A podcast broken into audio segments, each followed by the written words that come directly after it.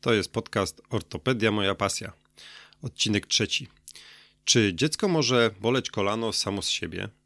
Czy mogą to być bóle wzrostowe? Kiedy obserwować, a kiedy warto skonsultować się z lekarzem? Taki dzisiaj podejmę temat.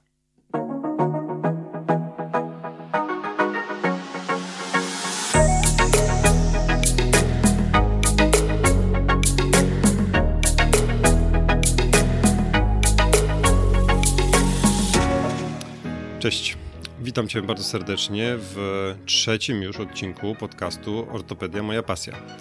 Ja nazywam się Michał Drynga, jestem ortopedą, a w podcaście omawiam problemy ortopedyczne, pokazuję jak pracuję, czym kieruję się proponując konkretny sposób leczenia oraz jakie są jego alternatywy i możliwe powikłania. Jeśli interesujesz się ortopedią, szukasz rozwiązania swojego problemu po urazie, miałeś kontuzję lub jesteś z drugiej strony barykady i uczysz się ortopedii, koniecznie wysłuchaj tej audycji.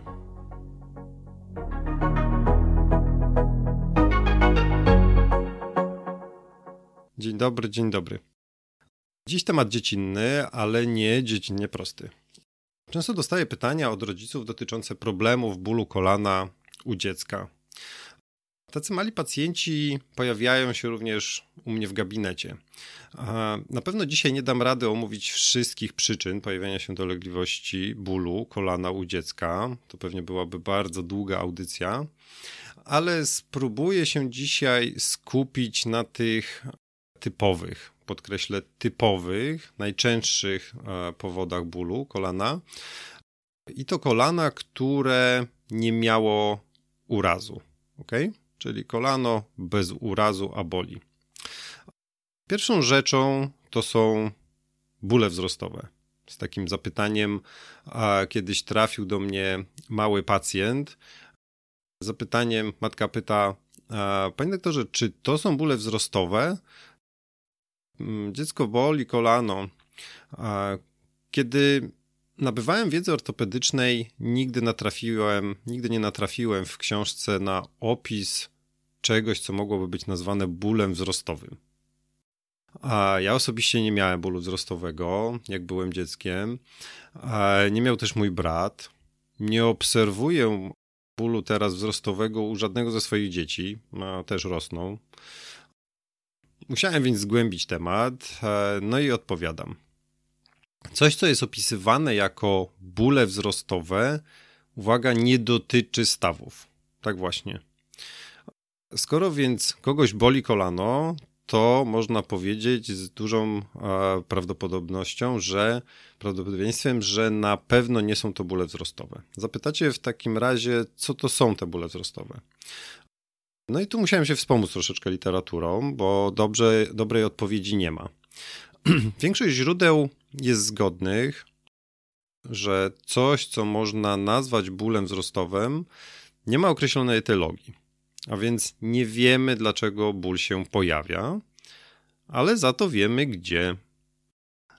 I otóż ból zlokalizowany będzie, uwaga, obustronnie przede wszystkim.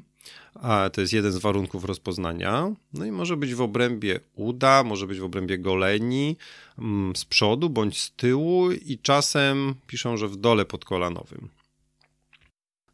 Boleć może w każdym wieku dziecka i nie zawsze jest to związane ze skokiem wzrostowym. Z kolei, co to jest skok wzrostowy? Mm, skok wzrostowy to taki okres, kiedy dziecko po okresie, dajmy na to, powolnego wzrostu, nagle w ciągu kilku miesięcy wręcz, no, można powiedzieć, wystrzeliwguje w górę. No właśnie, w okresie takiego nagłego wzrostu miałyby być względnie za krótkie ścięgna i mięśnie, i to byłoby powodem występowania bólu. Kość rośnie, ścięgno nie, mięsień nie, są za krótkie. Ale nie ma tu zgody. Ból najczęściej pojawia się po południu, a może być wieczorem, może być nawet w nocy. Czasem dziecko nie może zasnąć, raczej po intensywnym funkcjonowaniu w ciągu dnia, czyli jakbyśmy przenieśli to na dorosłych, to coś jak zakwasy po treningu. Taki ból trwa kilkanaście minut ale potrafi kilka godzin mm, po czym może sam zniknąć. W większości powiedzmy masażyk w wykonaniu mamy jest wystarczającym lekiem, a innym razem trzeba podać coś przeciwbólowego, jakieś maści zastosować. Czy taki stan można zlekceważyć? Otóż najprawdopodobniej do pewnego momentu tak, ale trzeba być czujnym, bo takie objawy mogą nam zamaskować inne, czasem groźne choroby, jak zapalenia kości, choroby nowotworowe, dosyć skomplikowane patologie biodra. Tu co prawda częściej ból będzie asymetryczny, bardziej zlokalizowany, ból przewlekły i bardziej ostry. Na przykład dziecko może się nie dać dotknąć do nogi, nie mówiąc już o masażu, który miałby dać ulgę. Może się pojawić zaczerwienienie, no i ogólne objawy, na przykład brak apetytu, gorączka, spadek wagi, e, zmęczenie. E, no dobra, ale powiecie, co to ma wspólnego z bólem kolana? Teraz przynajmniej już wiemy w takim razie, że to nie będą bóle wzrostowe, a co można nazwać bólem wzrostowym, ale wrócimy do kolana. Do kolana bez urazu. Mm, spróbuję omówić kilka scenariuszy, z jakimi możemy mieć do czynienia, z jakimi dziecko się y, zgłosi do lekarza, jakie się skarży matka. Pierwszy może taki. Dziewczynka, rzadziej chłopak, wiek 17, 20, e, przepraszam, 7, 12, ale może być trochę starsze, 7, 12 oczywiście, 17, 20. A ból pojawia się z przodu, w okolicy rzepki. Największy jest po stronie przyśrodkowej, czyli wewnętrznej stawu kolanowego. Trochę pod rzepką, trochę poniżej. Ból raczej po intensywniejszym wysięgu, na przykład po bieganiu, po jeździe na rowerze, e, pływaniu żabką, e, jeżdżeniu na rolkach, na łyżwach. Po odpoczynku zazwyczaj zmniejszający się, ale nie zawsze ustępujący. Czasem potrafi wystąpić już w trakcie aktywności, kolano nie puchnie. W trakcie chodzenia po schodach mm, no nie chrzęści, ale czasem potrafi coś w środku przeskoczyć, jakby mm, zakłuć. Może powiedzieć, że tak jakbyśmy sobie przykryli policzek. A w takim stanie dziecko nie jest w stanie ćwiczyć na WF-ie, zazwyczaj tam jest na jakichś zwolnieniach. No i mój typ w takiej sytuacji to coś, co nazywamy konfliktem fałdu przyśrodkowego. Co to jest ten fałd? To można powiedzieć takie zgrubienie na błonie maziowej wewnątrz stawu, którego funkcja nie jest do końca poznana. Podobno ma on być mm, w konkretnym ustawieniu kolana odpowiedzialny za pociąganie mm, ciała hofy, czyli takiego tłuszczyku w przednim stawie kolana, w przednim przedziale stawu kolana. Mogłoby o tym świadczyć to, że u niektórych na końcu bliższym tego fałdu, czyli u góry, można w czasie operacji zobaczyć formę włókien mięśniowych, a więc jakby kurczliwych, które pociągają ten fałd. Inna teoria, o której kiedyś czytałem, to taka, że wyjściowo kolano jest jak gdyby podzielone na dwie części. Jest więc stanowi tą formę jakby przegrody oddzielającej rzepkę od reszty stawu rzepkę jako trzeszczkę, czyli taką dużą, taki bloczek pośredni. W trakcie rozwoju ta przegroda zanika, ale pozostaje jak gdyby taka półeczka po wewnętrznej stronie kolana, początek tej ścianki działowej i to jest właśnie ten fałd. Czyli praktycznie u każdego taki fałd możemy znaleźć, ale nie u każdego daje on objawy. Taki fałd, będąc dużym, może ocierać o przyśrodkową krawędź rzepki lub o przyśrodkową krawędź kości udowej, powodując ból. Czasem wsuwając się między rzepkę a kość udową, wraz ze zgięciem kolana, może zostać przygryziony, jak policzek, mówię, i wtedy ból będzie ostry lub można poczuć przeskoczenie. To dosyć częsta jest patologia, ale uwaga, ostateczne rozpoznanie możliwe jest dopiero po wykonaniu badań dodatkowych i upewnieniu się, że nie znajdujemy w obrębie stawu kolanowego nic poważniejszego. czy jakichś innych gorszych chorób. Czasem choroba podstawowa jakaś daje powiedzmy stan zapalny w obrębie stawu, a ten z kolei podrażnienie fałdu, z którego objawy wysuwają się na pierwszy plan. I wtedy bardziej mamy objawy z fałdu, mimo że przyczyną problemu w kolanie jest co innego. Jest, więc, jest to więc rozpoznanie z wykluczenia. Trzeba więc e, zrobić obowiązkowo badanie RTG i niestety badanie rezonansem magnetycznym i w tych badaniach nie powinniśmy znaleźć patologii. Oczywiście fałd będzie widoczny w rezonansie, ale jego widać praktycznie zawsze i a wielkość jego w zasadzie predysponuje do wystąpienia objawów, no ale mały też może być objawowy. W każdym razie nic poza tym fałdem nie stwierdzamy jako patologicznego w obrębie stawu. Ostatnio konsultowałem taką dziewczynkę z objawami bardzo podobnymi i wyobraźcie sobie, że fałd w, jej, w obrębie jej kolana był na tyle gruby, że widać było jego cień już na zdjęciu rentgenowskim i wyraźnie różnił się w stosunku do fałdu w drugiej nodze, bo rentgeny oczywiście mieliśmy obustronne. Jakie jest tego leczenie? Zmniejszenie aktywności, unikanie aktywności, które sprawiają ból oczywiście.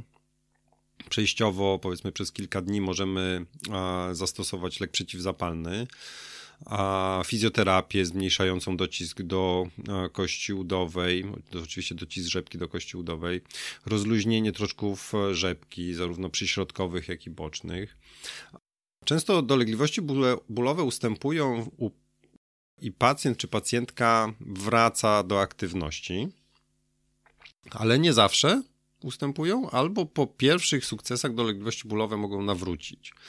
A jeśli problem dotyczy dziewczynek, osobiście w tej sytuacji w drugim rzędzie zalecam kontrolę u endokrynologa, ginekologa, podwójna specjalność, bo często zdarza się, że, w, że przyczyną pogrubienia fałdu błony maziowej jest powiedzmy huśtawka hormonalna u dziewczynek lub inne zaburzenia hormonalne. Niestety nie każdy taki lekarz wie, o co nam dokładnie chodzi i niekoniecznie musi pomóc. Ja osobiście wysyłam tylko do jednego konkretnego, z którym mamy już przedreptane ścieżki, no i w zasadzie on wie, czego my szukamy. A w zasadzie od niego to już pacjentki zazwyczaj nie wracają, tak? On je leczy.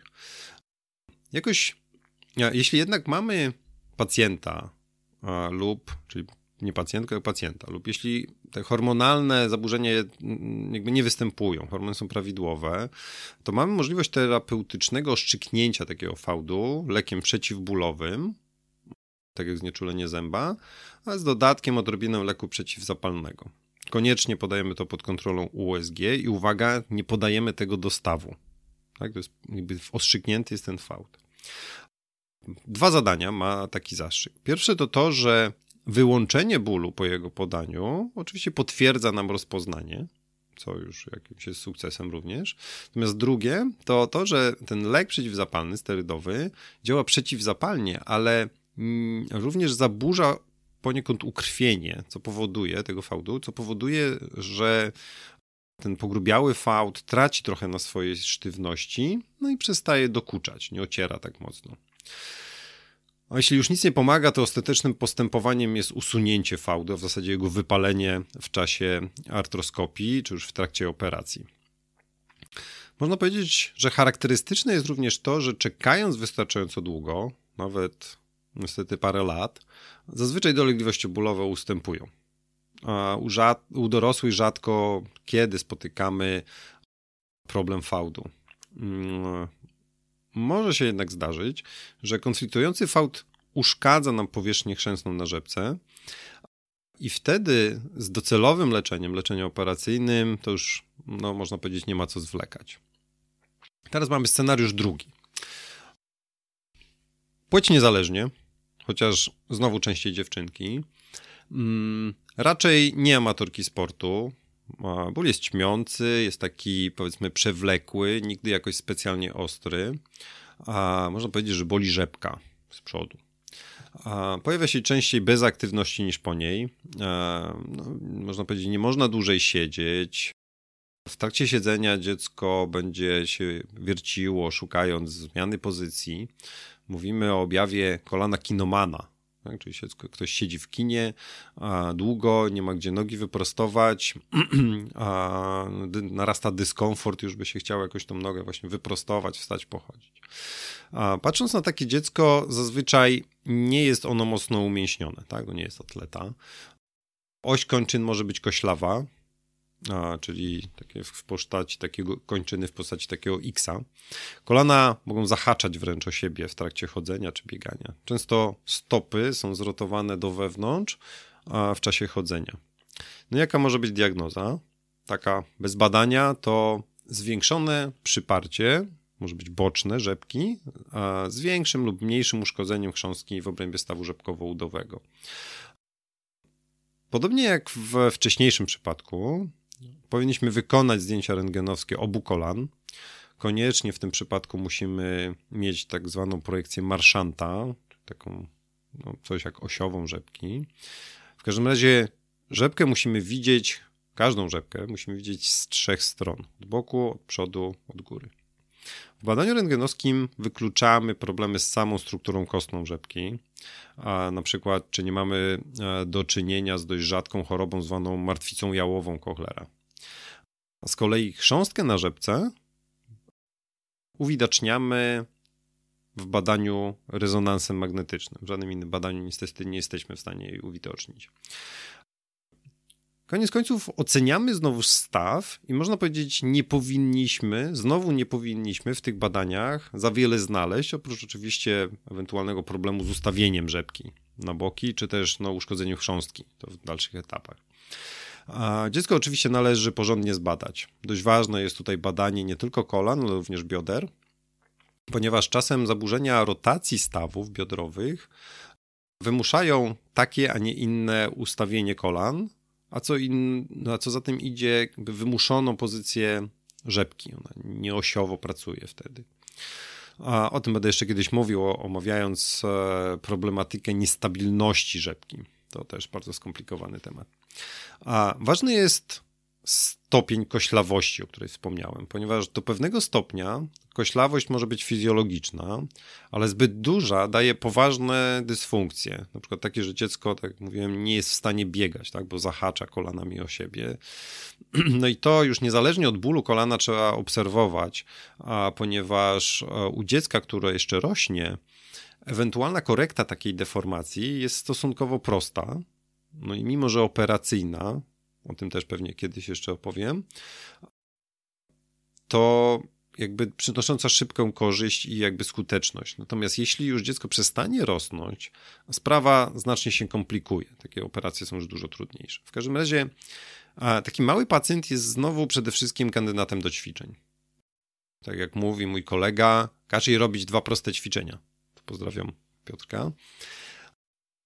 Nie wiem, czy dwa wystarczą, ale wzmocnienie mięśni pośladkowych, wzmocnienie mięśnia czworogłowego, a już szczególnie głowy przyśrodkowej tego mięśnia, odpowiednia praca nad rozluźnieniem rzepki, czyli nad jej mobilnością, ćwiczenia rozciągające na mięsień czworogłowy, na pasmo biodrowo-piszczelowe, na te właśnie troczki boczne, stabilizacja mięśniowa i koordynacja mięśniowa, szczególnie miednicy, a znowuż praktycznie zawsze przynoszą znaczną poprawę. A taką terapię można uzupełnić lekami. Lekami na przykład zawierającymi glukozaminę, czyli składnik pomagający w odżywieniu chrząstki. I tutaj w tym przypadku nie ma leczenia operacyjnego, z wyjątkiem ewentualnie tych wspomnianych zaburzeń rotacji czy koślawości. No, zostaje ciężka praca i schudnięcie, a jeśli akurat tutaj, sorry, mamy do czynienia z grubaskiem, troszkę się nadwagi tutaj pojawia, no to oczywiście trzeba też schudnąć. Przejdziemy do trzeciej sytuacji. Dziecko należące raczej do tym razem nadaktywnych. Zaryzykuję stwierdzenia, że, stwierdzenie, że to raczej będzie chłopak tym razem. Ból pojawia się w przedniej części kolana znowu, ale centralnie. poniżej rzepki. Nasila się w trakcie aktywności, czasem już sama aktywność wywołuje ból. Najgorzej jest przy bieganiu, przy zeskokach, szczególnie na twardym podłożu, na przykład na sali gimnastycznej. A bez aktywności ten ból stopniowo zmniejsza się, ale całkiem nie ustępuje. Przy dokładnej ocenie miejsca bólu znajdziemy go albo dokładnie na wierzchołku rzepki, i tu uwaga, bo wierzchołek rzepki znajduje się na dole rzepki, a podstawa rzepki jest na górze. Tak to ktoś sprytnie wymyślił. Chyba patrzył na swoje kolano, a siedząc i mając nogę uniesioną, i wtedy miał wierzchołek u góry. W każdym razie ból jest na wierzchołku, i wtedy mówimy o kolanie skoczka, albo zupełnie niżej, na dole, już tu, gdzie się więzadło rzepki kończy, na kości piszczelowej, w miejscu, gdzie przyczepia się więzadło rzepki i wtedy rozpoznajemy chorobę o wdzięcznej nazwie Osgood-Schlatter, OSD. A, czyli mamy podobne objawy w dwóch patologiach. Ból przy wierzchołku pojawi się, kiedy wytrzymałość przyczepu więzadła rzepki jest mniejsza niż siły na nie działające. Czyli na przykład ktoś może intensywnie skakać, intensywnie biegać, trenować, a jego tkanki nie mają wystarczającej wytrzymałości, doznają takich mikrourazów, czy tak się troszkę nadrywają, i to nie goi się w tak szybkim tempie, w jakim jest uszkadzane. No i co się wówczas dzieje? Powstaje w obrębie przyczepu więzadła taka niejednorodna tkanka, taka blizna. A czasem jest ona bardziej, a czasem mniej ukrwiona. No i zawsze mega bolesna. Przede wszystkim przy dotyku, tak? przy aktywności, ale jak się dotknie, no to tam bardzo boli. Co jest charakterystyczne w badaniu? W badaniu charakterystyczne jest to, że przy kolanie wyprostowanym, kiedy więzadło rzepki jest rozluźnione i naciskamy, ból jest duży. Natomiast kiedy naciskamy na wierzchołek rzepki przy kolanie zgiętym, przy napiętym więzadle rzepki, ból jest zdecydowanie mniejszy, mimo że naciskamy to samo miejsce. Co jest potrzebne do diagnostyki? Jak zwykle badanie rentgenowskie, w którym ponownie nie spodziewamy się patologii. Tak? Czyli znowuż powinno być prawidłowe, ale zrobić trzeba. Tak? Mimo, że się nie, spotykam, nie, nie spodziewam patologii, zrobić trzeba. Z tych samych powodów, o których już wcześniej mówiłem, tak? czyli martwicy i tak dalej. W tym przypadku może się jeszcze jedna rzecz okazać. Czasem w okolicy wierzchołka możemy znaleźć coś jak drobne zwapnienie czy skostnienie.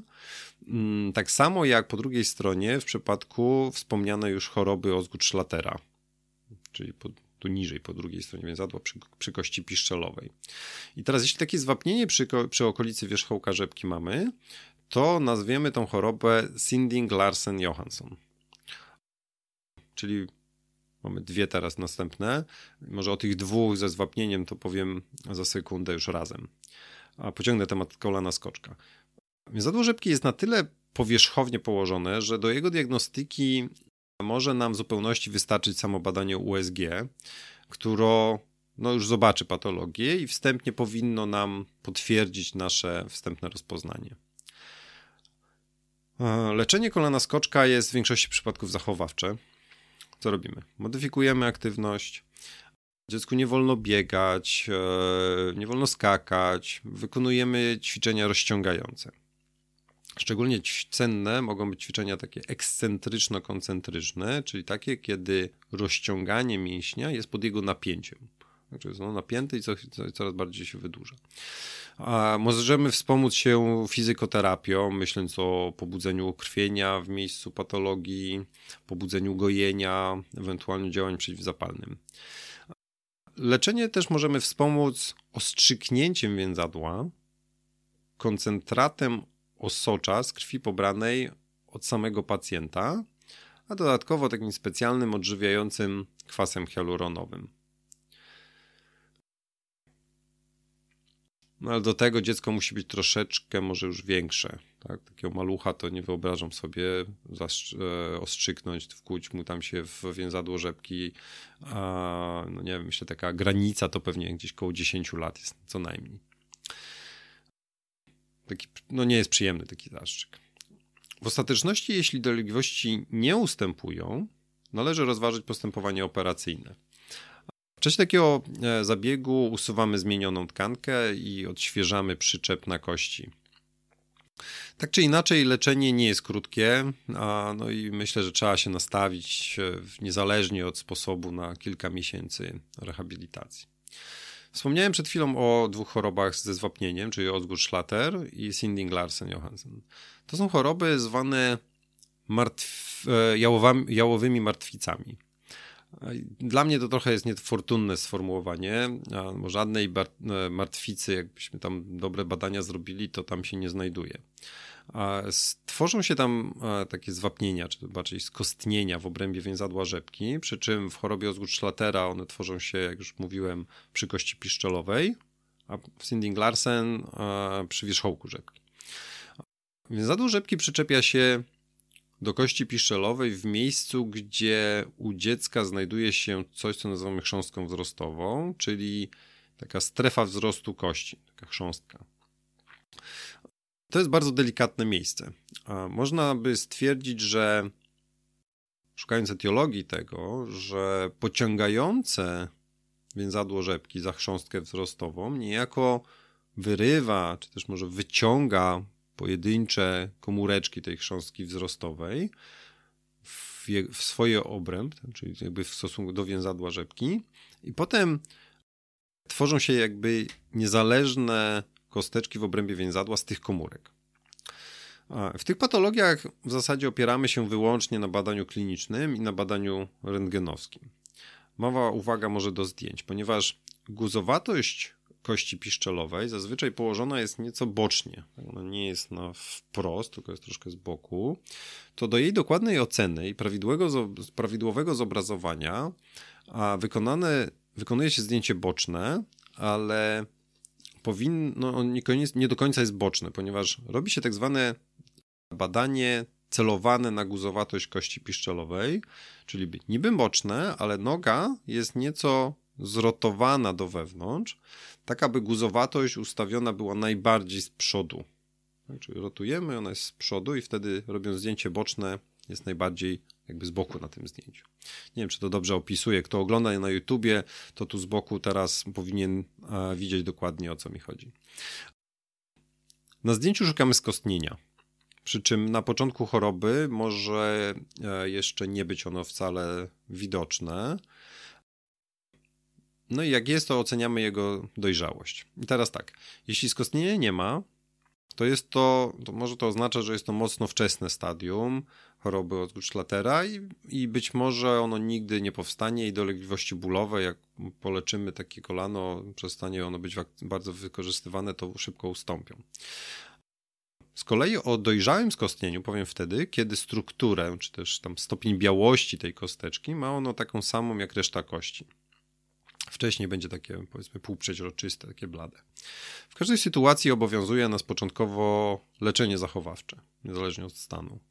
A łagodzimy objawy bólowe, czyli mm, postępowanie w zasadzie można jest powiedzieć takie samo jak przy kolanie skoczka. To, trzeba posłuchać wyżej. Podstawą, podstawą jest oczywiście modyfikacja aktywności. Do tego delikatne ćwiczenia rozciągające, działanie przeciwzapalne, przeciwbólowe. Niestety nie wiadomo, jak długo trzeba czekać na ustąpienie objawów, bo one ustępują w pewnym momencie, ale niestety nie wiemy, e, jak szybko. Co więcej, wcale mogą nie chcieć ustąpić. Na szczęście jest alternatywa dla jakby takich powiedzmy niecierpliwych. W momencie, kiedy skostnienie oceniamy jako dojrzałe, można pomyśleć o jego usunięciu, co ostatecznie daje ustąpienie dolegliwości i kończy problem. Taki zabieg kiedyś robiono na otwarto, cięło się skórę, natomiast dzisiaj szczęśliwie możemy się już posłużyć technikami mało inwazyjnymi, artroskopem i usunąć takie skostnienie, pozostawiając jedynie małe dziurki obok więzadła rzepki słowo może powiem, kamerę w takim przypadku wprowadza się do miejsca, które się nazywa kaletką podrzepkową, czyli podwięzadło rzepki. No i tam pod kontrolą wzroku, delikatnie preparując, usuwa się skostnienie z podwięzadła. się trochę tam wypala, trochę usuwa, trochę rozkrusza. Swoją drogą to może dobry pomysł będzie, żeby zrobić taki filmik instruktażowy, chirurgiczny z cyklu Masterchef na moim kanale na YouTubie.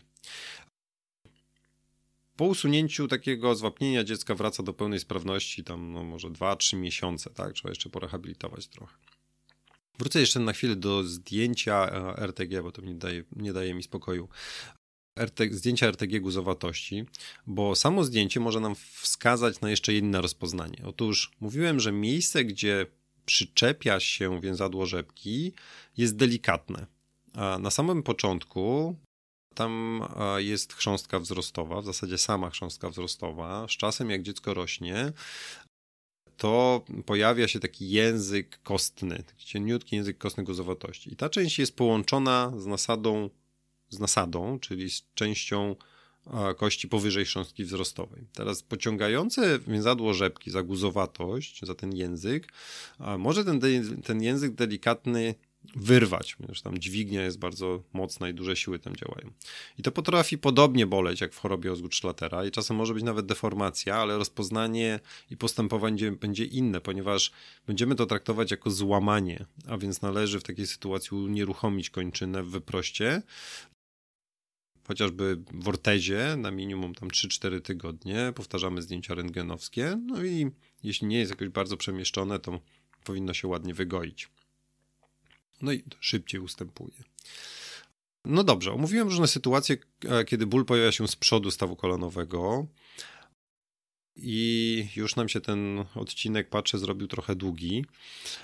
To może tutaj zrobię przerwę i o innych scenariuszach bólu kolana u dziecka opowiem Ci w kolejnym odcinku. Kończąc, oczywiście zapraszam Cię do subskrypcji kanału. Bardzo proszę o ocenę na iTunes a, i może jakiś komentarz, bo oceny audycji pozwalają jej być później łatwiej odnawidywaną dla kolejnych zainteresowanych. Jakby bardziej popularny się robi podcast, a mi na tym zależy. Może Tobie też. A, na dzisiaj to tyle. Bardzo dziękuję Ci za wspólnie spędzony czas i życzę wielu udanych, zdrowych i bezpiecznych aktywności sportowych. Do usłyszenia za tydzień. Drugi odcinek bólu kolana u dzieci.